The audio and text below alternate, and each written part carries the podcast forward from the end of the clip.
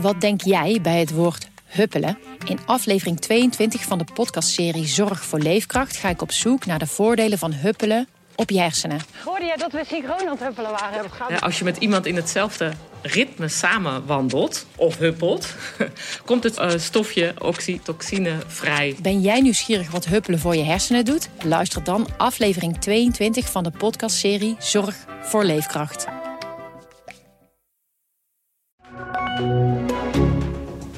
Dit is de AD Nieuws Update met Manuel Venderbos. Er wordt nauwelijks gebruik gemaakt van deelauto's. Het fenomeen werd ooit met veel enthousiasme gepresenteerd. Maar ja, het gebruik zou deels afrekenen met autobezit en een enorme milieuwinst opleveren. Maar dat is dus niet gebeurd. Bert van Wee is uh, hoogleraar transportbeleid bij de TU Delft. Op papier zijn er dus bijna 1 miljoen autodelers, maar uit onderzoek blijkt dat er slechts 20% er een enkele keer gebruik van maakt. Betekent dit nou dat de deelauto een flop is? Nou, niet in de zin van dat er bedrijven door failliet zijn gegaan die enorme investeringen hebben gepleegd. Maar het is wel zo dat de hooggespannen verwachtingen die veel mensen een jaar of 20, 30 geleden hadden, dat die totaal niet zijn uitgekomen.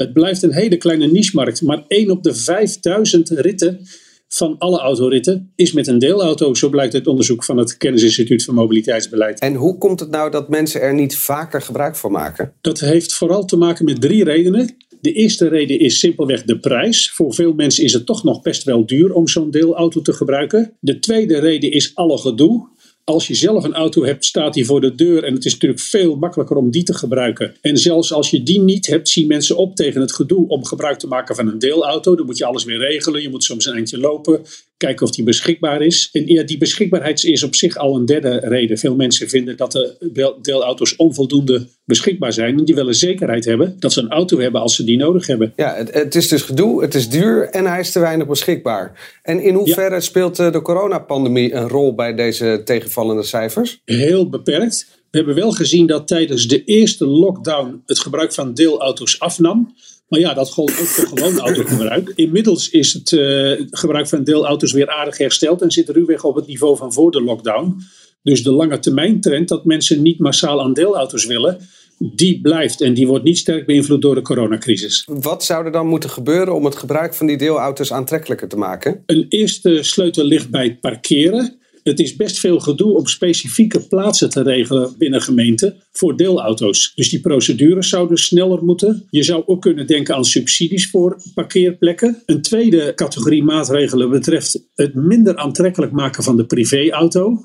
Je kan denken aan minder parkeerplekken, met name in uh, dichtbevolkte stedelijke gebieden. Je kan de privéauto in principe duurder maken. Dan wordt deelautogebruik goedkoper. Maar ja, dat is nogal omstreden. Ook als de fiets en het openbaar vervoer aantrekkelijker zijn, kan dat voor, een voor mensen een reden zijn om de gewone auto de deur uit te doen en meer van een deelauto gebruik te maken. En bij hele specifieke gebieden die nog gebouwd moeten worden, kan je overwegen om veel minder privéautoplekken, eh, parkeerplekken beschikbaar te stellen. En dan moet je denken aan bijvoorbeeld de Merwede-kanaalzone in Utrecht. Dat zijn ze trouwens al van plan om dat te doen. Maar ook uh, het havengebied in Amsterdam. Dus als je daar wil wonen, geen eigen auto. Bert van Wee van de TU Delft, uh, dankjewel voor je uitleg. Ouders van kinderen uit lagere sociale klassen hebben te weinig aandacht voor het ontbijt. Bijna de helft van de achterstandskinderen eet het ontbijt op de bank of voor de tv of kijkt op de telefoon of het tablet. En om hier verandering in te brengen, wordt vandaag in de Kuip in Rotterdam het startschot gegeven voor de ontbijtweek van het Nationaal Schoolontbijt. Linda van Zonsbeek is eh, kennisspecialist voeding en gezondheid. Het goede nieuws is dat bijna alle kinderen in Nederland dagelijks ontbijten, maar de manier waarop is nogal verschillend.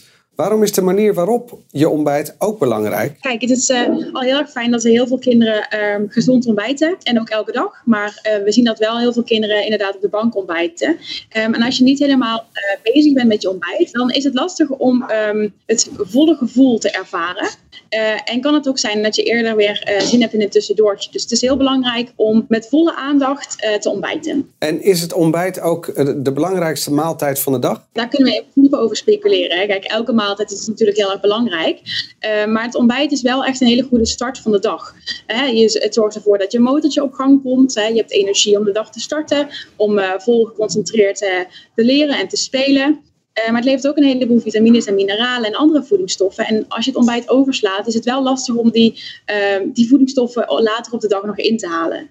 Um, en we moeten vooral ook niet vergeten dat gezellig uh, ontbijten aan tafel met je familie ook gewoon heel erg leuk is. En heeft het thuiswerken van ouders tijdens de pandemie uh, nou nog een effect gehad op de manier waarop we ochtends eten? We zijn niet heel erg anders gaan eten. Dus, dus wat we zijn gaan ontbijten is niet echt veranderd. We zien wel dat op de tien gezinnen meer uh, aan tafel met z'n allen ontbijten. Dus dat is wel een hele positieve verandering eigenlijk. Dat er dus wel een familiemoment is in de ochtend en er dus met aandacht wordt gegeten. Tot slot, uh, wat is nou wel en wat is nou geen gezond ontbijt? dat is een leuke vraag. Um, Kijk, um, het is heel belangrijk om eigenlijk te eten volgens de schijf van vijf. Bijvoorbeeld uh, een volkoren boterham met een plakje kaas en wat pakjes komkommer. Uh, of een, een, bakje zuivel met wat appel erin bijvoorbeeld. Is eigenlijk precies wat wij vandaag hier ontbijten met de kinderen in de Kuip. Linda van Zonsweek, dankjewel voor je uitleg en succes met de start van de campagne. Kinderen uit achterstandswijken hebben vaak geen idee hoe ze een stap kunnen zetten op de maatschappelijke ladder. Daarom slaan vijf organisaties de handen in één om kansenongelijkheid onder jongeren aan te pakken. En dat gebeurt tijdens de Week van Gelijke Kansen die vandaag begint. Brechtje van Schendel is eh, directeur van Petje Af. In hoeverre bepaalt afkomst op dit moment de toekomst van jonge mensen? Ja, wij zeggen altijd: de plek van je, waar je wieg heeft gestaan mag nooit bepalend zijn voor de kansen in de toekomst. Helaas is dat voor heel veel kinderen in Nederland nog steeds het geval. Uh, rond de 300.000 kinderen leven in armoede. En dat heeft gewoon direct effect op de mogelijkheden die je krijgt en de stappen die je kan nemen. Dus eigenlijk de plek waar je geboren wordt, dat uh, uh, veroorzaakt deze kansenongelijkheid. Ja.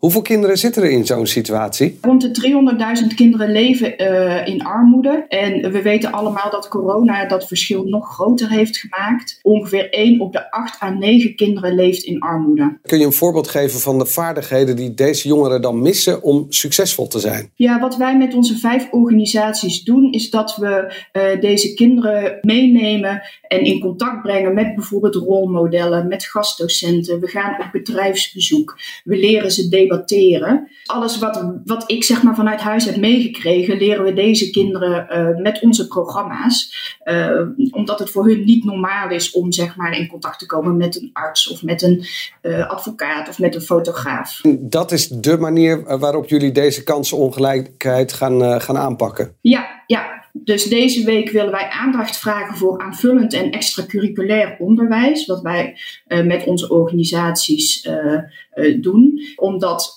het onderwijs heeft gewoon een hele grote taak om die kansenongelijkheid tegen te gaan. Maar dat kunnen ze niet alleen. Deze brede ontwikkeling is zeer belangrijk voor de kinderen. en met onze organisaties willen we daar aandacht voor vragen. Wij hebben daar jarenlange uh, ervaring mee uh, en we willen de, het onderwijs daarbij ontzorgen. Brecht van Schendel, uh, dankjewel voor je uitleg en heel veel succes met de campagne. In het justitieel complex Schiphol wordt vandaag het MH17-proces hervat. De strafzaak rondom de aanslag op de vlucht MH17 van Malaysian Airlines, waarbij in 2014 alle 298 inzittenden om het leven kwamen. Onze verslaggever Cyril Rosman volgt deze zaak. Cyril, vandaag wordt besproken of het onderzoek nu echt afgerond is of niet. Mocht het afgerond zijn, is dat dan een mijlpaal in dit megaproces? Ja, dat, dat kun je zeker zeggen. Uh, dit is natuurlijk een onderzoek dat is zeven jaar geleden begonnen. Meer dan zeven jaar, toen dacht het MH17 werd neergeschoten.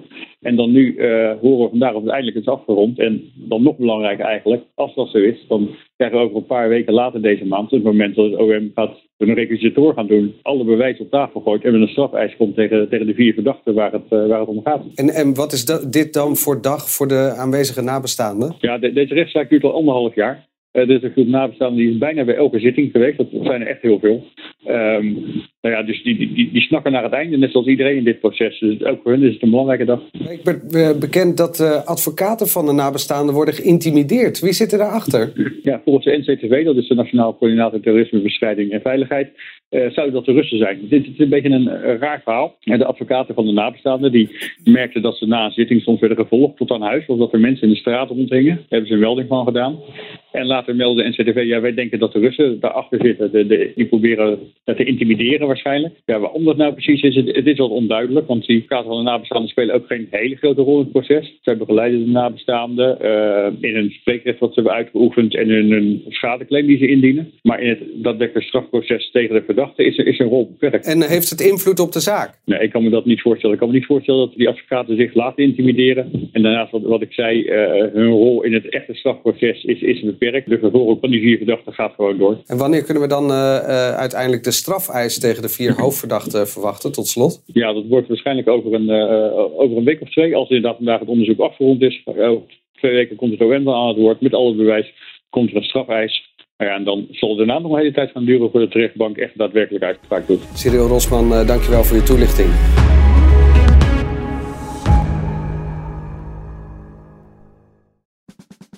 Luister ook naar onze podcast Politiek Dichtbij. In een half uur praten we hierbij over de stand van zaken op het Binnenhof. En niet alleen vanuit de wandelgangen in Den Haag, maar ook vanuit een regionaal perspectief. We zijn te vinden in onze app, op Apple Podcast en op Spotify. En wie zijn wij dan? Wij zijn Leonard Beekman en Tobias den Hartog. Wat denk jij bij het woord huppelen? In aflevering 22 van de podcastserie Zorg voor Leefkracht ga ik op zoek naar de voordelen van huppelen op je hersenen. Hoorde jij dat we synchroon aan het huppelen waren? Ja, als je met iemand in hetzelfde ritme samen wandelt of huppelt, komt het uh, stofje oxytocine vrij. Ben jij nieuwsgierig wat huppelen voor je hersenen doet? Luister dan aflevering 22 van de podcastserie Zorg voor Leefkracht.